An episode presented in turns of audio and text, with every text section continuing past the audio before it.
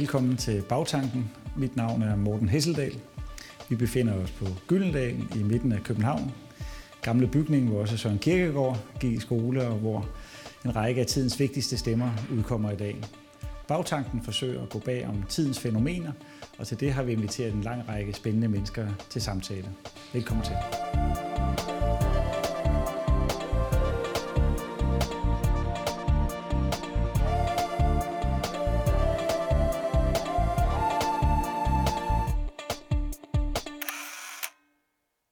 Velkommen til Bagtanken. Det er programmet, hvor vi ser bag tidens fænomener og idéer. Og i dag vil vi prøve at se lidt nærmere på, hvordan den politiske magt og de politiske beslutninger bliver til. Og til det har vi inviteret dig, Bo Lidegaard, har været tæt på den politiske magt som embedsmand. Du er historiker, og i dag er du konsulent først og fremmest, udover du er forfatter selvfølgelig. Velkommen til. Tak. Når man kigger rundt på verden, så må man jo konstatere, at der er behov for politisk handlekraft. Der er store problemer derude. Og derfor vil jeg gerne lægge ud med at spørge, har vi den fornødne politiske handlekraft til stede i dag? Svaret er næsten per definition nej. For det vi er nødt til at gøre, og det som vi egentlig også er ret enige om, at vi gerne vil gøre, det er rigtig svært at omsætte til virkelighed. Det vil så sige, det har det altid været, men det er måske sværere i dag, fordi næsten alle de store udfordringer, vi har, har en international dimension. Hvis vi er heldige, er det kun en europæisk dimension, så skal vi bare blive enige europæisk. Men rigtig meget er jo globale problemer, eller i hvert fald problemer, der rækker ud over os Europa. Og de kræver løsninger, som vi kan samarbejde med andre lande om, og det gør det rigtig svært. Så du vil sige, at afstanden fra den politiske vilje til den politiske kunde er blevet større med tiden? Ja, det vil jeg faktisk, fordi vores økonomi tidligere var trods alt mindre afhængig af omverdenen. Men det er altså ikke noget nyt. Øh, lige siden de store landbrugsomlægninger i slutningen af 1800-tallet, øh, og med andelsbevægelsen og alt det, vi betragter som ærke-ærke dansk, det er jo fremprovokeret af nogle ændringer på verdensmarkedet for korn, og af den globalisering, som jo begyndte med jernbanerne og dammskibene og alt det. Men en ting var den tidligere, øh, den tidlige globalisering. Øh, noget andet var jo, at det var, som du siger, en meget mindre verden. Øh, hvordan foregik politiske beslutninger øh, sådan tidligt i det danske demokrati? Man kan sige, at der, hvor vi begynder at skabe det samfund, som vi sådan genkender som vores, øh, det var en tid, hvor politikerne selv personligt kunne overskue rigtig meget af økonomien og det, der foregik og hvor det jo meget var bønder med dyb viden om landbruget, der repræsenterede det største parti, Venstre, og siden var det selvlærte, men også efteruddannede øh, arbejdere i Socialdemokratiet, der, øh, der, der repræsenterede den nu største klasse. Og det, der jo var fælles for dem, selvom det er lidt tidsforskudt, det var, at de tog magten ved også at samle sig viden hele øh, andelsbevægelsen og hele Venstres udvikling som parti handlede jo dybest set om at oplyse bønderne. At vise, at disse træsko, som man faktisk kaldte dem, faktisk kunne anamme viden.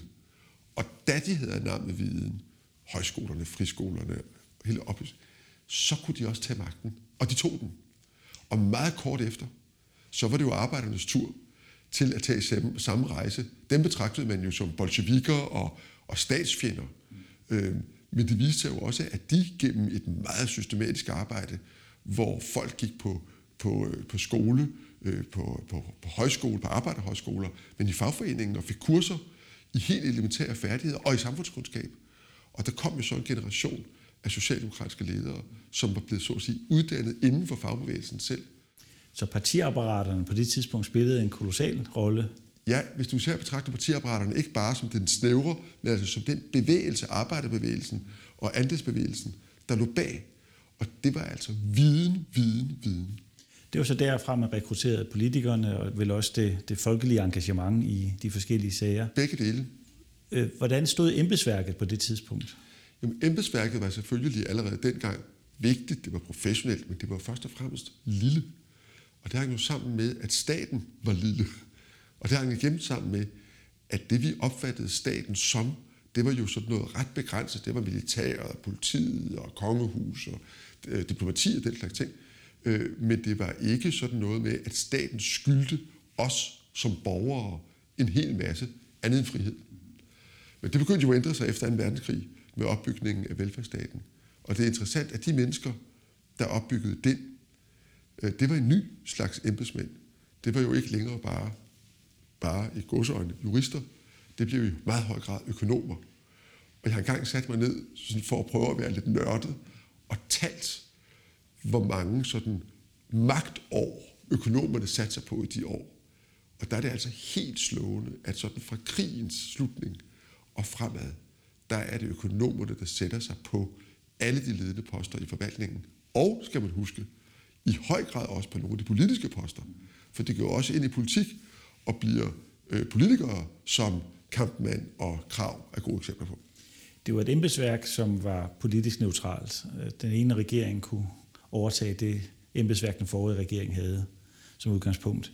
Men var det også et embedsværk, der blev mere og mere aktivistisk? Altså begyndte den selv ligesom at have klare forestillinger om, hvordan magten skulle udfoldes? Øh, ja, til begge dele, men, men med nogle vigtige nuancer. Det er jo rigtigt, at embedsværket var og er partipolitisk neutralt. Men det er jo ikke det samme som det ikke er politisk. Øh, det står jo til rådighed for den til hver tid siddende regering, og den er i høj grad politisk. Så det at tænke politisk med regeringen og ind i regeringens politiske vilje, det har lige fra starten været en helt afgørende del af at være embedsmand. Det man ikke må som embedsmand, det er jo at føre sin personlige partipolitik. Man skal være lojal over for den regering, der sidder, som jo typisk er bakket op af et flertal i Folketinget. Og det vil sige, at man som embedsmand skal være indstillet på, at magten er legitim, også selvom man ikke er enig med den. Og så skal man tænke politisk for den. Men der er en hårfin grænse, for man skal jo ikke hjælpe den partipolitisk. Man skal hjælpe den med at gennemføre den politik, som den har fremlagt for vælgerne, som den står på mål for, og som den jo også står til regnskab for i Folketinget. Men man er ikke politisk i den forstand, at hvis man nu har en venstre regering, så er det embedsmandens opgave at sørge for, at den regering vinder næste valg. Det er embedsmandens opgave at hjælpe regeringen til at gennemføre de beslutninger og de, de politiske målsætninger, som den er gået til valg på. Der har jo været eksempler på, at embedsværket, øh, dele af det, har handlet meget øh, håndfast, aktivistisk kan man næsten sige, på et tidspunkt, hvor det politiske blev sat mere eller mindre ud af spil, altså øh, under besættelsen. Og Besættelsen er utrolig spændende. Det er også derfor, jeg som forfatter og historiker er vendt tilbage til den mange gange, for der er alting jo sat fuldstændig på spidsen. Øh, og det er en af de ting, som jeg selv er mest fascineret af, og som jeg sidder og skriver op i disse, i disse timer. Øh, det er jo historien om Henrik Kaufmann, som var vores gesandt eller ambassadør i Washington under 2. verdenskrig. Og det, der er så pinagtigt interessant ved ham, er, at alt det, han gør i Washington, det er noget, vi må sige, det må man ikke som embedsmand. Det, det sagde man dengang, og man blev rasende, han blev til sidst anklaget for højforræderi. Øhm, også i dag vil vi sige, det må man ikke som embedsmand. Men samtidig må vi erkende, at vi er ret glade for, som samfund og som land, at han gjorde det, han gjorde. Og dette, at man indimellem som embedsmand står i situationer, hvor hvis man tager rollen fuldstændig bogstaveligt og følger kogebogen til punkt og prikke, så ender man altså med det forkerte resultat. Det er selvfølgelig noget af det, der gør det fascinerende at være embedsmand. Men det er ikke det samme, og det er, altså det er virkelig vigtigt at, at, at, at sige også, at det er ikke det samme, som alle embedsmænd sidder og siger, at det der politiske initiativ, regeringen tager, det, det synes jeg ikke om. Det kan godt være, at de ikke gør det. Og så vil vi prøve at sabotere det, eller skynde os langsomt, eller obstruere. Det er ikke sådan, det foregår. Fordi embedsværket er selvfølgelig øh, fagligt dygtigt, øh, men de har jo ikke det folkelige mandat, som en politiker har. Og derfor vil man jo ud fra en demokratisk betragtning synes, det var et problem, hvis de pludselig traf vidtgående øh, politiske beslutninger. Ja, øh, men, men det er næsten, når du siger, at de ikke har et folkeligt mandat, som om, at de, så at sige, har, at den måde, de udøver magt på, er illegitim. Og det synes jeg bestemt ikke. Jeg tror, vi skal være utrolig glade for, at vi har den meget stærke og meget professionelle forvaltning, vi har. Og jeg bliver en lille smule harm i de her år, når jeg oplever især de partier, som aldrig har taget et regeringsansvar, og som aldrig selv har været en del af at udøve demokratisk magt under demokratisk kontrol af Folketinget og med respekt for loven, men som altid har stået på sidelinjen og skældt ud på magten. Og det er fint, det skal vi også have nogen til. Men det er jo ikke embedsmændenes opgave. Deres er at tjene den legitime, lovlige, demokratiske magt. Men når jeg fra en for eksempel øh, Pia Kærsgaard, som øh, folk, øh, formand for Folketinget, hører angreb på embedsapparatet, og når jeg fra den yderste venstrefløj hører det samme, så hører jeg nogle mennesker, som meget bevidst aldrig selv har bragt sig i den situation, at de skulle stå demokratisk til ansvar, herunder for Folketinget. Prøve i virkeligheden, som jeg opfatter det, at underminere den legitimitet i forhold til befolkningen, der ligger i, at embedsmændene, de skal jo handle inden for loven. De er underlagt loven, ligesom dig og mig og alle andre borgere i det her land.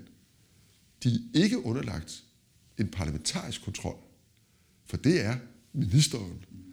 Og hvis man blander det sammen, så får man jo både lettet ministerens mulighed og i virkeligheden mudret det sammen, for Folketinget er jo ikke en apolitisk domsinstans. Det er en politisk instans. I USA har man jo valgt en, en anden måde at håndtere det på, ja. at når magten skifter, så skifter store dele af administrationen også. Ja. Hvilke fordele er der ved det? Fordelene ved det er, at man får en forvaltning, som er politisk, partipolitisk. Og der har man jo taget skridt fuldt ud, så du jo også i nogen grad har domstole, som er partipolitiske. Og det vil sige, at alle, så at sige, i hele magtens udøvelse, står til, på, øh, til, til regnskab over for vælgerne. Og det kan man sige har den fordel, at, øh, at vælgerne så får i højere grad det, de har bedt om. Den rene vare. Den rene vare. Faren er selvfølgelig, at de også kan, at udsvingene kan blive meget, meget voldsomme, og at det kan være med til at ødelægge de institutioner og den kontinuitet, som også er meget vigtig i et samfund. Og det er jo lige præcis det, vi ser ske i land som USA i øjeblikket. Fordelen ved det system, vi har, hvor det altså kun er de folkevalgte politikere, som skifter, og embedsrapparatet i det store hele bliver siddende, det er, at du får meget mere kontinuitet. Det vil sige, udsvingene bliver mindre. Og det kan du sige, jamen, øh, trænger vi ikke engang imellem til, at vi får nogle ordentlige herresving, og det gør man måske. Men man skal bare være klar over, at hvis man er et lille land, og det er præcis det, vi er, så er der også utrolig meget kompetence, der går tabt. Altså dette at vide, hvorfor var det, vi gjorde sådan her. Øh, det er faktisk vigtigt, når man beslutter sig for at ville ændre tingene. Og, og måske en ting til her. I Danmark har vi jo den tradition, at næsten alle store beslutninger træffes med politiske flertal hen over midten, og i politiske forlig, som vi vælger at lade være bindende hen over valg. Så vi har bevidst også parlamentarisk valgt, så at sige, at vi skal ikke kunne svinge fra det ene ekstrem til det andet. Pendulet skal svinge langsomt. Og tavlen skal ikke vaskes rent, blot fordi magten skifter. Lige præcis. Men og det sørger embedsmændene jo så for. Nu har, nu har det været diskuteret ganske meget, de her politiske rådgiver, som den nuværende regering har udnævnt, hvor det tydeligt er, at partibogen er i orden. Ser du det som et brud på en dansk tradition, altså hvor man får flere politisk rene politisk, rent politisk udpegede embedsmænd bragt ind i, i magtens top, eller ser du dem slet ikke som embedsmænd? Vi har jo de sidste 20 år øh, fra Anders Fogh Rasmussens første regering set, altså den tendens til, at det kommer det, som populært kaldes spændoktorer ind. Og det er klart, det er folk med partibogen i orden, eller som i hvert fald er hyret til et rent politisk ærne.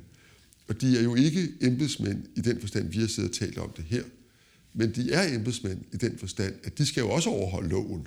Og de skal også stå til regnskab øh, over for sandhedspligt og andre øh, elementære ting, som embedsmænd selvfølgelig skal stå til ansvar for. Så på den måde er det embedsmænd. Men forskellen er jo, at når ministeren forsvinder, så forsvinder de med.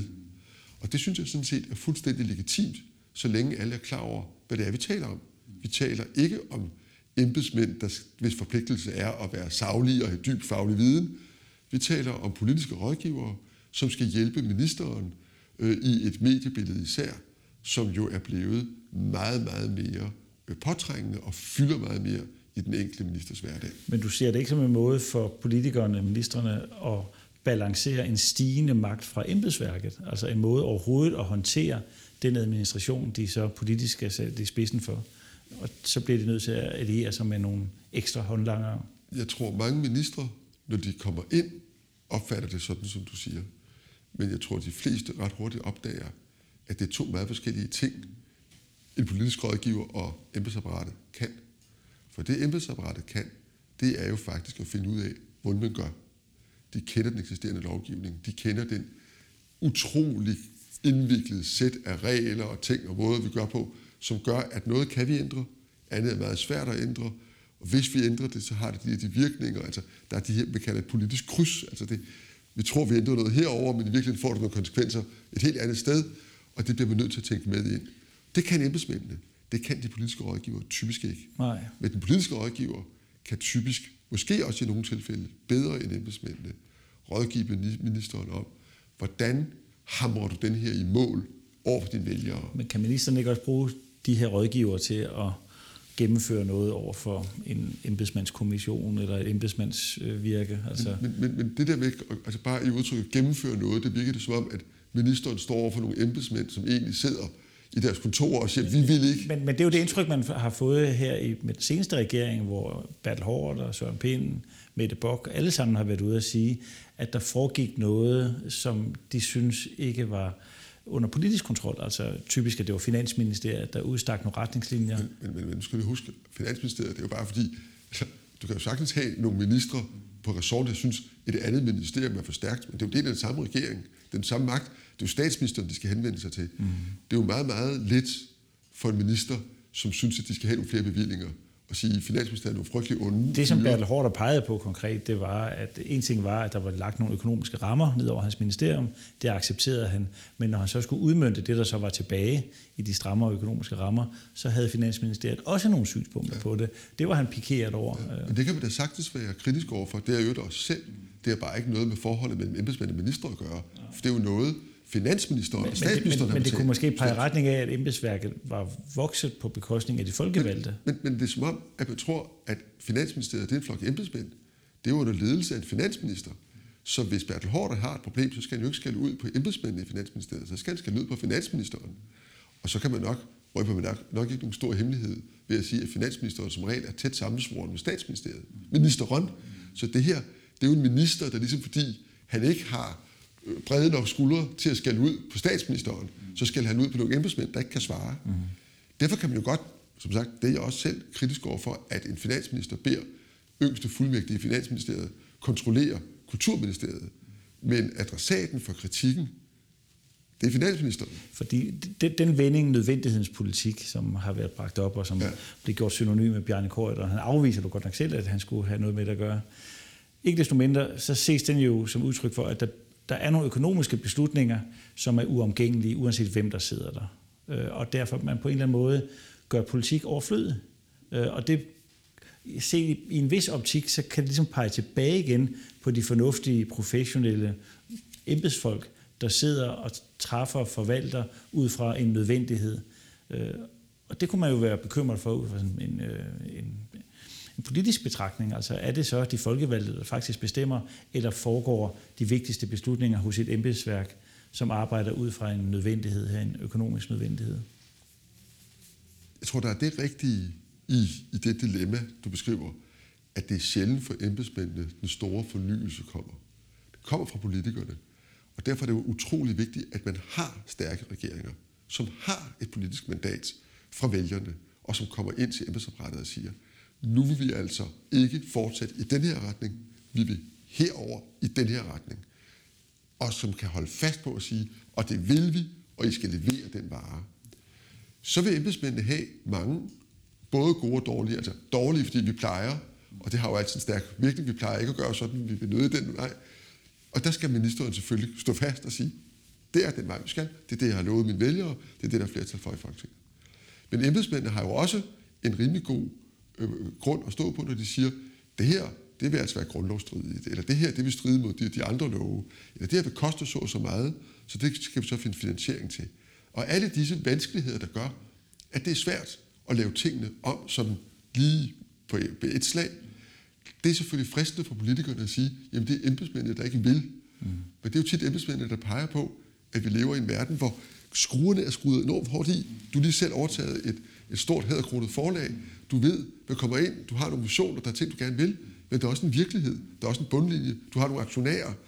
Der, der er mange begrænsninger. Så det er jo ikke sådan, at du som en ny direktør kommer ind og siger, jeg har et øh, rent skrivebord, jeg kan gøre, hvad jeg vil. Øh, du bliver også nødt til at respektere. Der ligger en bunke gamle aftaler, osv. osv. Alt det skal du manøvrere i, og derfor bruger jo enhver topledelse, og her er regeringen jo topledelsen, bruger jo også det apparat, der er omkring den til at forstå, hvad er begrænsningerne, hvad er mulighederne. Men det er jo ikke sådan, så landet ville være bedre stillet, hvis vi kun havde embedsmænd og ingen regering. Jeg mener bare, en del af den kritik, der rejses, og med rette mod noget af den måde, vi bruger embedsmænd på, det er en kritik, man bør rette mod de ministre, der er ansvarlige for de pågældende embedsmænd, og som jo har muligheden for at sige, jeg vil den vej, også selvom det er dyrt. Det, det, det forekommer bare så overraskende, at øh, det var Bertel Hård, der udtalte sig, for ingen har jo været minister så længe som ham nogensinde i Danmark, Nej. og det var det, den konklusion, han drog men, efter sin sidste embeds. Øh, men læg mærke til, at jeg går ikke i rette med Bertel Hårds kritik, Nej. jeg går i rette med adressaten for den. Fordi det er, jo, det er jo indlysende, at embedsværket kan ligesom sige, hvad der er op og ned, og, og, og hvad der er lovligt og muligt. Men det er jo men også... hvis ansvar er det, at øverste fuldmægtige overruler en kontorchef i, i, i Kulturministeriet, Jamen, jamen det, det, det forstår jeg godt, ja. Men, men, men, men en ting er, hvordan man ligesom siger, altså, at sådan her, det er handlerummet. En anden ting, og det er jo også det, du peger lidt på, det er, at der kan være noget energi, der kan være noget træhed i, øh, i en administration. Du sagde selv, at det ikke er nødvendigvis, eller det er slet ikke fra embedsværket, at de nye idéer kommer. I hvert fald ikke af sig selv. Af sig selv. Faktisk tror jeg, at i praksis, når jeg sådan tænker så, tilbage på det, jeg har set. Men i hvert fald så afdækker du jo en risiko ved øh, det at træffe beslutninger, hvis det er sådan, at embedsværket bliver for træt og for konservativt og for... Altså, i, i, men du huske på, magt er jo virkelig. Og de mennesker, der har magt, det har politikere, det har Folketinget, det har også domstole, det har øh, embedsmænd i høj grad, præsten. Mennesker, der har magt, de er dels lidt blinde for, at de har den. De siger altså, ah, jeg har ikke magt, jeg har måske en lille smule indflydelse. Og dels ser de alle sammen, at de er begrænset af nogle andre, som også har magt. Og der foregår jo en reel magtkamp. Den foregår på alle niveauer, og den foregår jo legitimt i et demokratisk samfund. Og der slås regeringen og Folketinget med hinanden om magten, og ministerne og embedsmændene slås også lidt om magten. Og den dialektik, den skal vi være glade for. Mm. Det, det er en del af demokratiet. God pointe der. Men jeg tænker som borger, øh, som er bekymret for verdens tilstand, jeg har behov for, at der bliver truffet vigtige politiske beslutninger, og måske med en større øh, gennemslagskraft end tidligere. Nu har du både været inde i systemet og har så stået udenfor og kigge på det.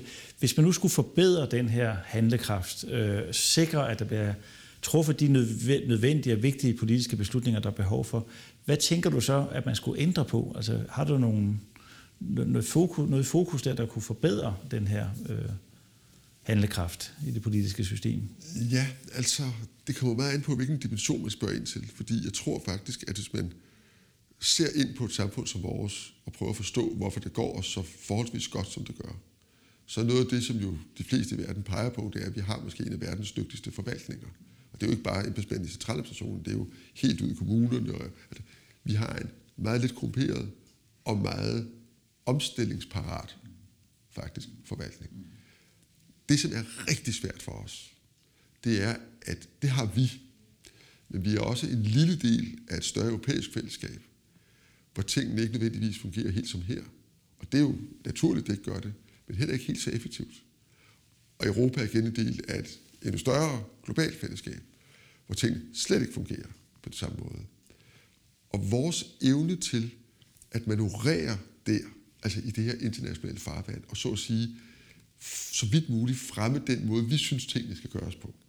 Øh, og det synes vi jo sjovt nok er den rigtige. Og det gør lige så sjovt nok de andre også. Altså at deres er det. Men det har vi måske alligevel nogle fordele. Blandt andet fordi vi har en meget effektiv administration. Og en meget tæt forhold mellem politikere og administrationen.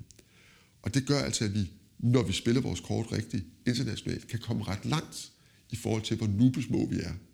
Så du synes, jeg er meget tryg ved, at vores handlekraft også udvikler sig i, i takt med Men jeg, de jeg vil sige, problemer, hvis du er. tager sådan et område som klima, hvor det er jo helt åbenbart, at vi virkelig, virkelig har travlt, der noterer jeg mig, at det er jo første gang i, jeg kan næsten ikke huske hvornår, at vi har så bred politisk enighed om, hvad vi gerne vil. Fra yderste venstre til næsten yderste højre. De store organisationer. Alle vil på overfladen det samme. Og samtidig siger jo mange af de politikere, der siger, de gerne vil, men vi skal ikke ændre noget som helst. Altså, vi vil ikke ændre vores vækst, vores alt skal være det samme. Og det er jo indlysende. Sådan kan det ikke være. Alle kan forstå, at vi står over for kæmpe forandringer. Og det at få manøvreret en vej igennem det, hvor den enkelte borger kan se sig selv i de forandringer, også se vores egen fremtid, vores forretning, vores liv, vores tilværelse, positivt og håbefuldt, det er et kolossalt arbejde. Og hvis vi kan mestre det, og det vil altså kræve, at både politikerne og embedsmændene og erhvervslivet og pressen fokuserer på mulighederne, og på en eller anden måde udvikler noget nyt. Og det, der er jo meget opmuntrende er, det har vi faktisk gjort før. Vi har nogle gange i løbet af de sidste 100 år været i stand til at genopfinde os selv og ændre måden, vi gjorde tingene på, til det bedre. Det skal vi gøre igen, men det kræver altså et meget, meget dynamisk samvirke. Tak for det, Bo Lidegaard. Tak for den opgavebeskrivelse og egentlig optimistiske udgangsreplik. Så tak fordi du kom her og gjorde os klogere. Tak til seerne, fordi I kiggede med i endnu en ombæring af bagtanken. Vi er snart tilbage med et nyt program. Tak for nu.